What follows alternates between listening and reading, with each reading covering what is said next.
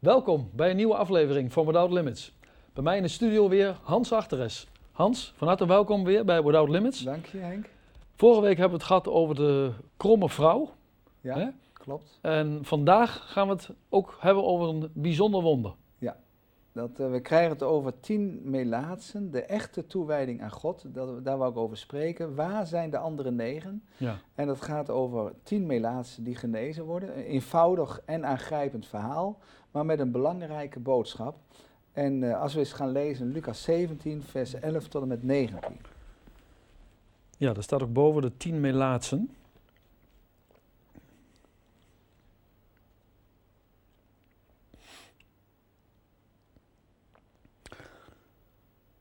En het geschiedde gedurende zijn reis naar Jeruzalem, dat hij dwars door Samaria en Galilea trok.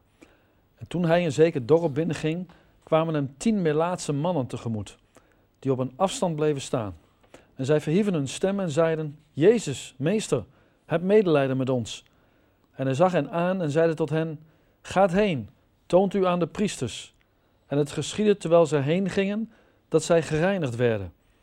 En één van hen keerde terug toen hij zag dat hij genezen was, met luider stem God verheerlijkende. En hij wierp zich op zijn aangezicht voor zijn voeten om hem te danken. En dat was een Samaritaan.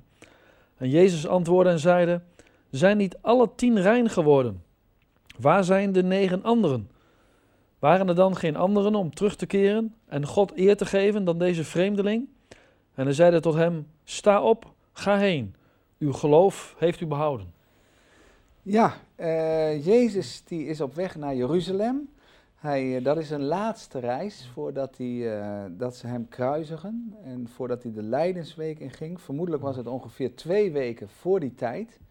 En dan, dan komt hij in feite in dit gebied. Hij maakt volgens de normale weg een omweg, dus een soort kromme weg.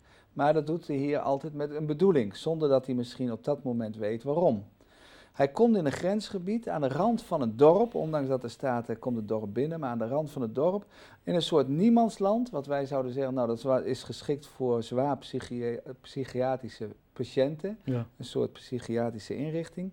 En dan komt hij een kolonie tegen van tien melaatsen, een groep. Ja, dat is natuurlijk bijzonder als je daar zo loopt met je discipelen en je komt zoiets tegen. Ja, dat, het is een apart gezicht eigenlijk. Hè? Een, een kluit arme stakkers, zeg maar. Hè, die tegelijk eh, eh, schreeuwen, help! Ja, het is, het, het, zijn de, het is de outcast, zou ik haast zeggen. Ze bivakeren ergens in, ik denk, hokkige, hokkige huisjes of gebouwen.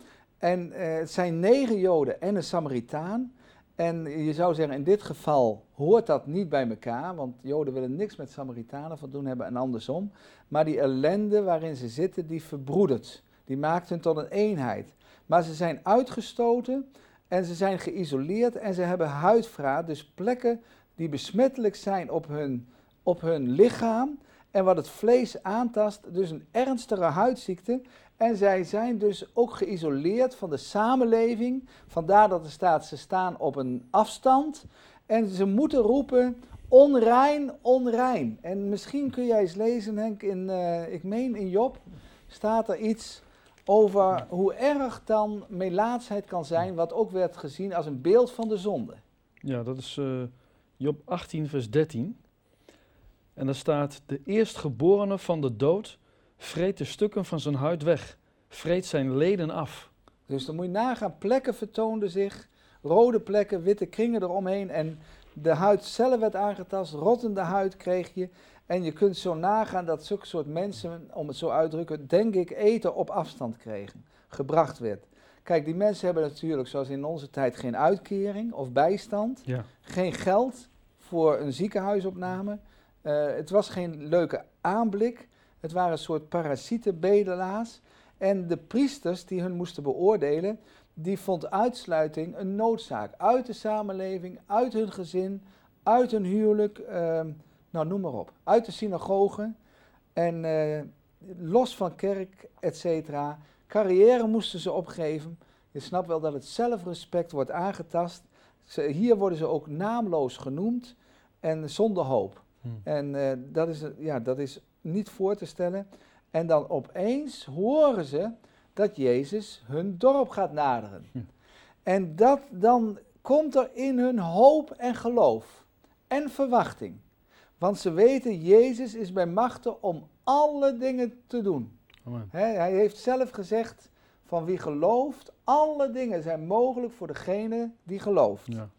En Jezus komt hier langs en dan op, dus deze, om het zo uit te drukken, wonderdoener, die komt langs en op zo'n 30 meter afstand staan ze angstvallig te wachten en ze, hij nadert en op een gegeven moment is hij op gehoorafstand en dan gaan ze schreeuwen. Jezus, meester, help ons. Of Jezus, meester, heb medelijden met ons. En ze schreeuwen dat allemaal in diezelfde lijn. Jezus, meester, zie onze erbarmelijke omstandigheden. Help ons, want we gaan binnenkort dood. We zijn levende doden. Help ons, Jezus. Zo, Ja, ja. moet het zien. En als het niet harder is. Dus eh, ja, dat is logisch. Ieder mens zou zich omdraaien, zou kijken. En daar heb je het weer. Maar dat kijken van Jezus is bijzonder. Jezus zag direct tien personen. Wij zouden zeggen, nou gewoon een groepje. Ga niet direct tellen. Jezus weet alle dingen. Het zijn er tien. Ja. Jezus zegt inderdaad, hij weet alles en het zijn er tien. Want straks zegt hij, waar zijn die negen anderen? Dus Ja. hij wist exact, het zijn er tien. Maar Jezus zag inderdaad hun geloof. Jezus zag hun geloof en hun liefde, hun verwachting. En er staat er, Jezus zag hun aan. Ja, toen dacht ik aan, kijk, de Heer is altijd iemand die wil alles goed maken. Zoals bij de schepping. Aan het eind van de dag, als hij wat had geschapen, hij zag dat het goed was. En de Heer wil dat wij goed door het leven gaan. Maar ja, we zijn allemaal aangevreten door huidverraad, geestelijk. We hebben allemaal een soort kleine of grote of verborgen of openbare melaatsheid. We hebben allemaal iets incompleets. De zonde heeft ons allemaal aangetast. Maar de Heer, als Jezus bij ons langskomt, zegt hij: Ik wil dat jij vijf vingers hebt aan de linker en rechterhand. Tien. Ik wil dat jij vijf tenen hebt aan de rechtervoet en aan de linkervoet. Tien is het beeld, tien is het getal van vol, voltooi, voltooiing. Het is goed, het is voltooid, het is af. Dit is wat God bedoelt. Niet dat je zo door het leven gaat, om het zo uit te drukken, maar zo, tien. Ja. Dus inderdaad, dat is misschien ook de bedoeling, dat, dat, dat er tien eh, wel daar langs de kant stonden. Maar Jezus komt wel dichterbij. En, en hij schreeuwt niet. Jezus schreeuwt niet. Dat, dat doet hij niet. Jezus houdt niet van schreeuwen, maar Jezus zegt gewoon wat. Ja, dat is bijzonder, hè? Eh, Want, want hij zegt eigenlijk maar één zin en daar moeten ze mee doen. Hè, eh, hij raakt ze niet eens aan, geen handoplegging. Hij, hij spreekt alleen maar iets. Ja, hij zegt, en hij zag hen aan en zeide tot hen, gaat heen, toont u aan de priesters. Nou, geen handeling, Ja, slechts één zin.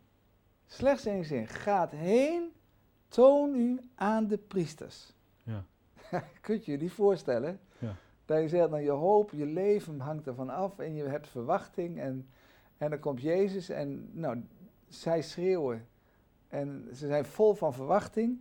En ze zijn natuurlijk afwachtend wat gebeurt er, maar ze denken er zal van alles gebeuren, want ze al lang natuurlijk gehoord. En dan zegt Jezus alleen die zin. Nou, volgens de Torah, de Joodse wet, eh, wordt dat, moeten ze inderdaad naar de priesters, want die moet kijken als ze iemand genezen is. Nou is die ziekte normaal ongeneeslijk. Maar na enige re- reinigingsrituelen, dat staat in Leviticus 14, een hoofdstuk vol, eh, mogen ze deelnemen als ze na twee weken, duurt dat wel, die reinigingsrituelen en symbolen, dan mogen ze weer deelnemen aan de eredienst, aan het gezin, aan de samenleving. Dus die priesters waren een soort huisartsen, een soort keuringdienst van vlees in plaats van van, van waren. Eh, ze waren reinheidsinspecteurs. En eh, nou, dat lezen we allemaal in Leviticus 14. Maar Jezus zag hun geloof.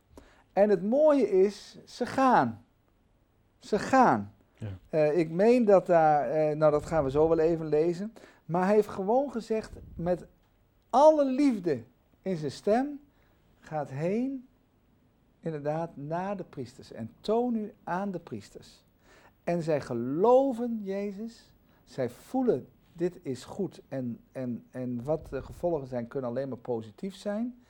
Ze protesteren niet En ze gaan alle tien in vertrouwen op Jezus' woord, schuifelend, of hoe je het wil noemen, naar richting vermoedelijk Jeruzalem of waar die priesters waren. Dus zij zetten de geloofstappen. Ze komen in beweging. Ja. De kiem van het geloof is in hun hart al gegroeid naar een nieuwe levensfase. Die is er, die kiem, om het zo uit te drukken. Heren, ik geloof, ik ga op weg. Dat geldt ook voor de kijker. Dat u zegt, nou inderdaad, ik wil wel eens iets van Jezus ontvangen. Hè, en ik wil wel eens aangeraakt worden. Ik wil wel eens zien als zijn woorden waar zijn. Dan zeg ik, ga op weg. En zeg gewoon in je hart, heren, ik geloof. Want hier staat dan iets, zo'n bijzinnetje. En dan staat er, terwijl ze heen gingen, werden zij gereinigd. Met andere woorden, toen ze op weg waren, genazen ze, werden ze genezen.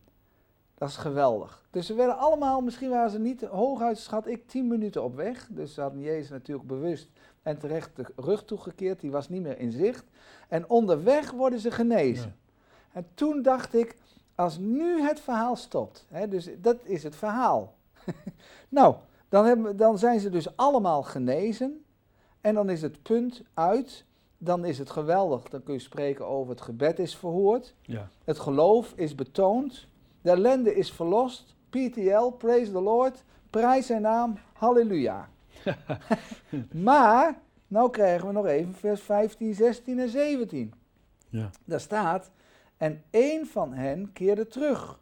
Toen hij zag dat hij genezen was, met luide stem God verheerlijkende, en hij wierp zich op zijn aangezicht voor zijn voeten om hem te danken. En dit was een Samaritaan. En Jezus antwoordde en zeide, zijn niet alle tien rein en genezen geworden? Waar zijn die negen anderen? Nou, dus met andere woorden, één van de negen komt terug. Hij maakt een kabaal dat je hem al in de verte hoort. Eén van de tien, hè, komt Eh, terug. sorry, één van de tien. Eén van de tien komt terug, de negen anderen niet. Hij maakt een kabaal, rennend, zwaaiend, met zijn armen omhoog, maar bovenal God verheerlijkende. Hij Ja. heeft geen remming, hij is schaamteloos in goede zin. Hij zegt glorie, glorie, glorie. Voor hem is het een soort hemelse dakloosheid. Prijs zijn naam. En, en als hij dan vlak bij Jezus komt, valt hij op zijn voeten. Maar ik meen dat er zelfs in vertaling staat, hij lag lang uit voor Jezus. Gewoon helemaal hem dankende, hem lovende, hem prijzende, noem maar op. Hij wist het, u bent de Zoon van God. Lof aan de Here en aan zijn gezondenen. Ja. Je ziet bij die man wel echte dankbaarheid, hè? Ja, ja, de echte dankbaarheid, de, dat, ja, dat is een voorwaarde, dat is echt een voorwaarde. Dat, dat je ook ziet dat er echt geloof is, dat moet. Dus Jezus was blij eh, voor hem en was ook blij met hem. Eh, Jezus, maar Jezus was ook teleurgesteld. Want hij zegt, waar zijn de anderen? Ko- waar zijn de anderen gebleven? Komen die niet terug? Dus de andere negen, die ontbraken. Die hadden inderdaad geen echte dankbaarheid. Geen echte toewijding. Dus er ontbrak wat. Er is dus wat gebeurd. Of ze zijn van bepaalde gedachten, waardoor ze blijven steken in die gedachten. Maar ze zijn niet teruggekeerd, dus dat is vreemd. Jezus vindt het jammer. Die is teleurgesteld. Hij, hij, het is eigenlijk eenrichtingsverkeer. Hè, dus eigenlijk heeft het wonder voor die negen niet zijn doel bereikt. Alleen die ene Samaritaan, die niet-gelovige, die heiden, eh, ja, die komt terug. En, eh, en hier, hij heeft door, hier is meer, ehm, hier gaat het meer, hier gaat het om meer dan een wonder. Die Samaritaan die heeft door, hier gaat het meer dan om alleen dat lichamelijke wonder. Hij heeft ingezien, hier is God aan het werk, ik verheerlijk zijn naam. Hier is Jezus de gezondene als de ware zoon van God. Maar Jezus inderdaad zegt, zo, waar, zijn, waar, waar zijn de anderen Ja. negen? Ja, maar jij zei net, hè? Jezus is teleurgesteld. Eh, komt dat vaker in de Bijbel voor, dat Jezus teleurgesteld is? Nou, ik denk eh, even aan bijvoorbeeld Filippus, dat is een discipel, die zegt van, eh, Jezus toon ons de Vader. Dus met andere woorden, we hebben nu u wel gezien, maar de Vader. En als Jezus na drie jaar dat, ze, dat hij met hun opgetrokken heeft, geleerd heeft, wonderen gedaan heeft, zegt van, nu ben je zo lang bij, bij me, Filippus. En, en nou moeten we, moet ik je nog de Vader tonen. Hè, maar ik ben bij u. Ik ben het beeld van de onzichtbare God. Dat je die vraag moet stellen. Hij is gewoon teleurgesteld. Ja. Dat, ze, dat die discipel niet ten volle in hem het beeld ziet van de ware God. Bijvoorbeeld, eh, hij vroeg om één uur te waken. Ja. Toen hij het hartstikke moeilijk had, vlak voor ze, ze sterven. En dan zegt hij, kunnen jullie nog niet één uur met me waken? Want ze vallen steeds in slaap. Ik geloof twee, drie keer toe. En dan denkt hij, nou ja, dan is het genoeg, dat is goed. Eh, ik ga mijn weg alleen, de leidersweg. Hè? Ja. Ik krijg zelfs van mijn discipelen geen ondersteuning. Hè, want soms word je door voorbeden geholpen. En dan Judas Iscariot, die de schone schijn hield. Hij noemde een vriend als hij een verraadt met een kus. Hij zegt, dan zegt hij tegen al die honderd mensen met stokken en weet ik allemaal wat ze hebben, zegt hij, nou dat is de man. Daar, daar, dat is de plaats en dat is de man. En nu kun je hem best te pakken. Ja. En dan zegt Jezus, vriend, Ja. verraad je de zoon des mensen met een kus? Dus Jezus kent ook teleurstellingen, teleurstellingen in mensen. Dus- en dan zegt hij, waarom komen de anderen niet terug? Onderweg zijn ze genezen, zijn verbaasd. Dus daar loopt Mosje, of Ehud, of Amos, of Simon, of Micha, of Peretz, of Eli. En ze zegt, zo, moet kijken, alles is weg. Oh, zelfs je voorhoofd is glad geworden. En noem maar op. Je, je kon al uit de verte zien aan gescheurde kleding, want dan moesten ze het dragen, dat het dus melaatsen waren. Maar nu kon je zien aan hun huid dat, dat ze super gezond werden en super gezond waren. Hm. En er is één bij die heet Gerrit. Gewoon Gerrit. Gewoon Gerrit. Nou, en Gerrit die is, helemaal blij. Die weet, dit is God. Dit is de Heer. Die heeft het gedaan. En die zegt, ik keer terug. Ik ga eerst Jezus bedanken. Hè? En dan komen misschien die priesters wel een keer. Hè, dat, dat is wel goed. Die moeten, jullie tenminste, hij was geen Jood, eh, toch rein verklaren. Dus kom mee. Maar dat deden ze niet. Hij gaf glorie aan de Heer. Maar hij wou niet, niet naar de priester, hij hoefde het ook niet. Hij zat niet vast aan vormen, rituelen, ceremonie. Hij zat niet vast aan de wet. Hij vond het misschien al doods. Maar nou kwam hij het leven tegen. Eerst naar Jezus. Hij ontving ook genade. Hij werd een aanhanger. Hij werd een leerling. Want misschien, Henk, is het misschien toch nog wel eens goed om eens even een keer die ene zin te lezen. eh, waarin staat. Oh ja, en zij verhieven hun stem. In vers 13. Jezus, wil je dat nog eens lezen? Vers 13 en Ja. 14. Of de, die ene zin, Jezus. Ja. Jezus, meester, heb medelijden met ons. Nou, meester. Ja. Ze schreeuwen allemaal meester. Ja.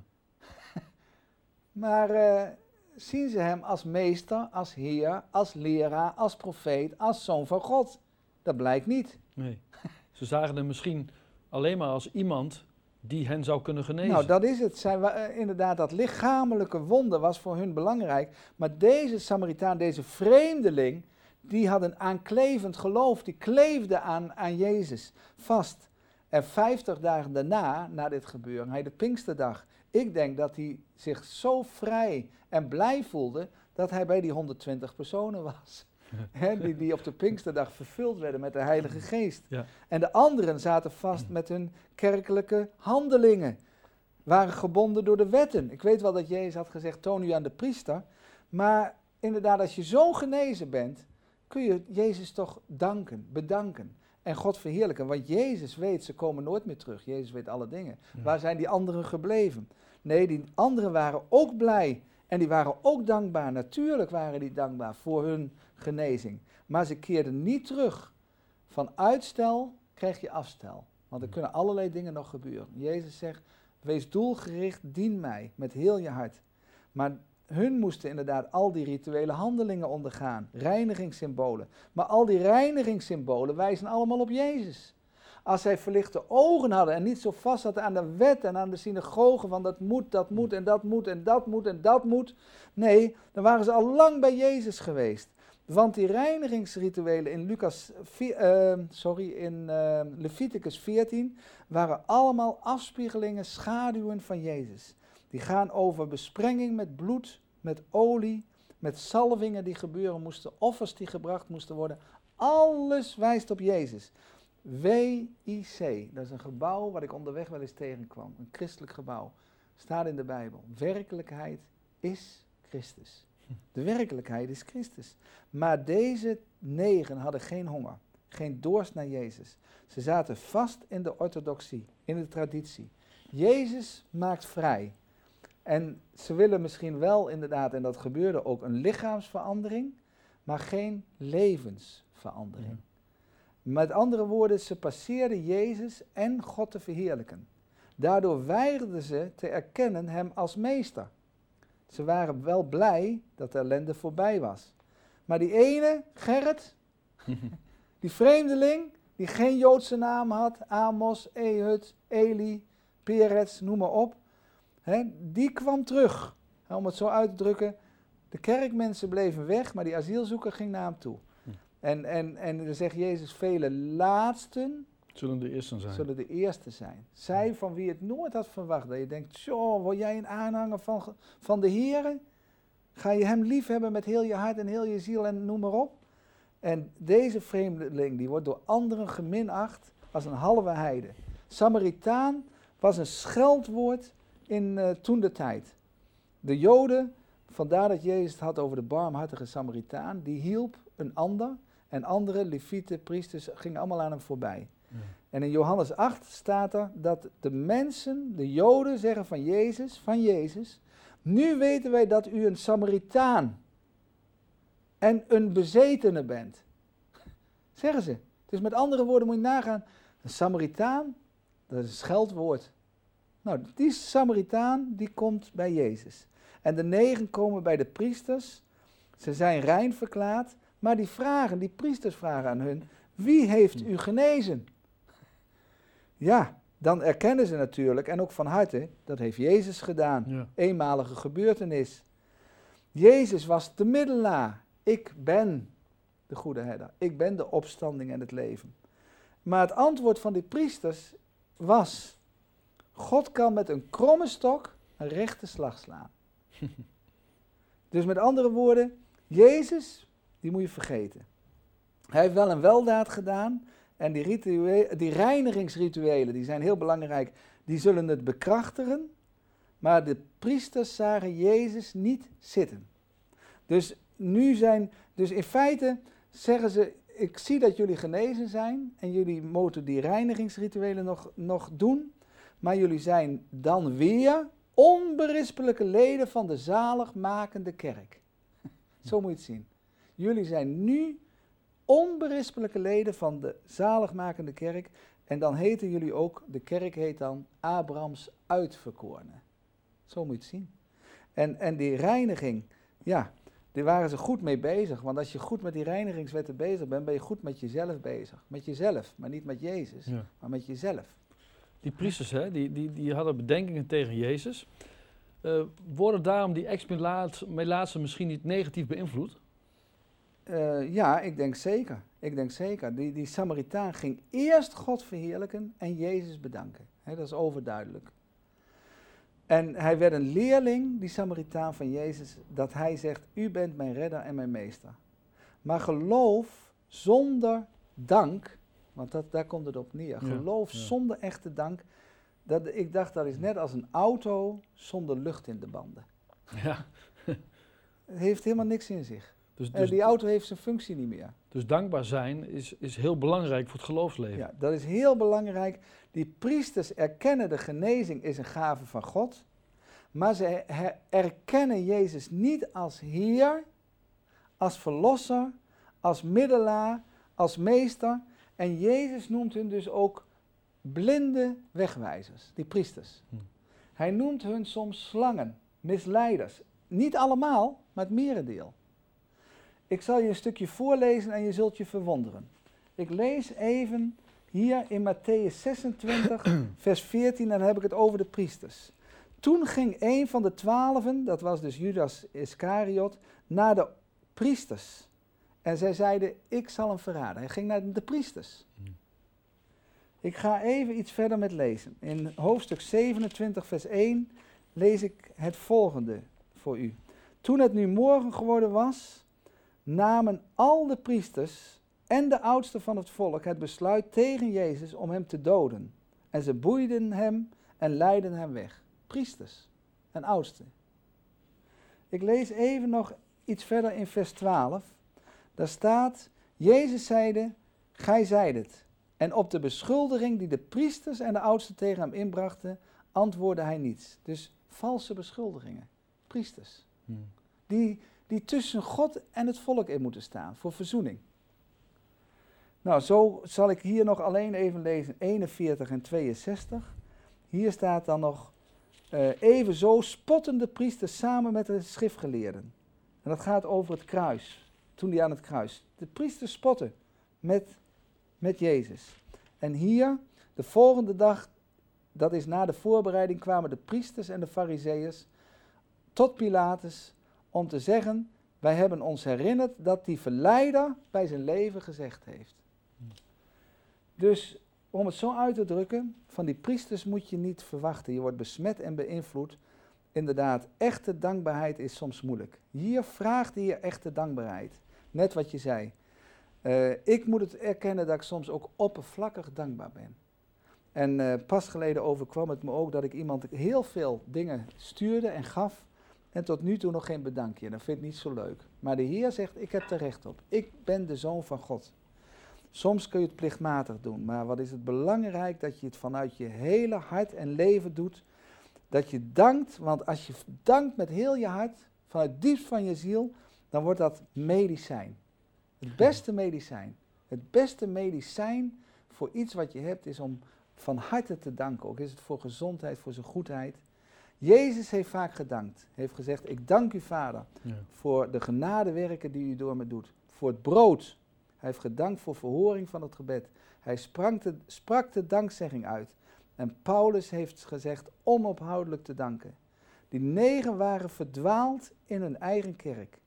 En ze teerden maar op één wonder. Jammer, jammer. Hans, we hebben nog eh, één minuutje. Ja, Die eindopmerking, hè? Sta op, ga heen, uw geloof heeft u behouden. Het is een beetje, eh, ja, zeg maar een eh mysterieuze eindopmerking. ja het is een beetje inderdaad apart, eh, bijzonder, geheimzinnig, mysterieus. En dan is het eigenlijk, ja, die man die heeft leven ontvangen. Jezus zegt, sta op, je bent helemaal vrij. Ga heen. Maar Jezus weet, want je komt toch weer terug. je komt toch weer terug bij mij. Hij heeft, Jezus ziet, voelt en merkt, hij is, is een aanhanger. Hij heeft terecht erkend, Jezus, meester. Ja. Nu ben je mijn leerling. Uw geloof heeft u behouden. Uw geloof zal je nog veel meer wonderen laten zien. ja, amen.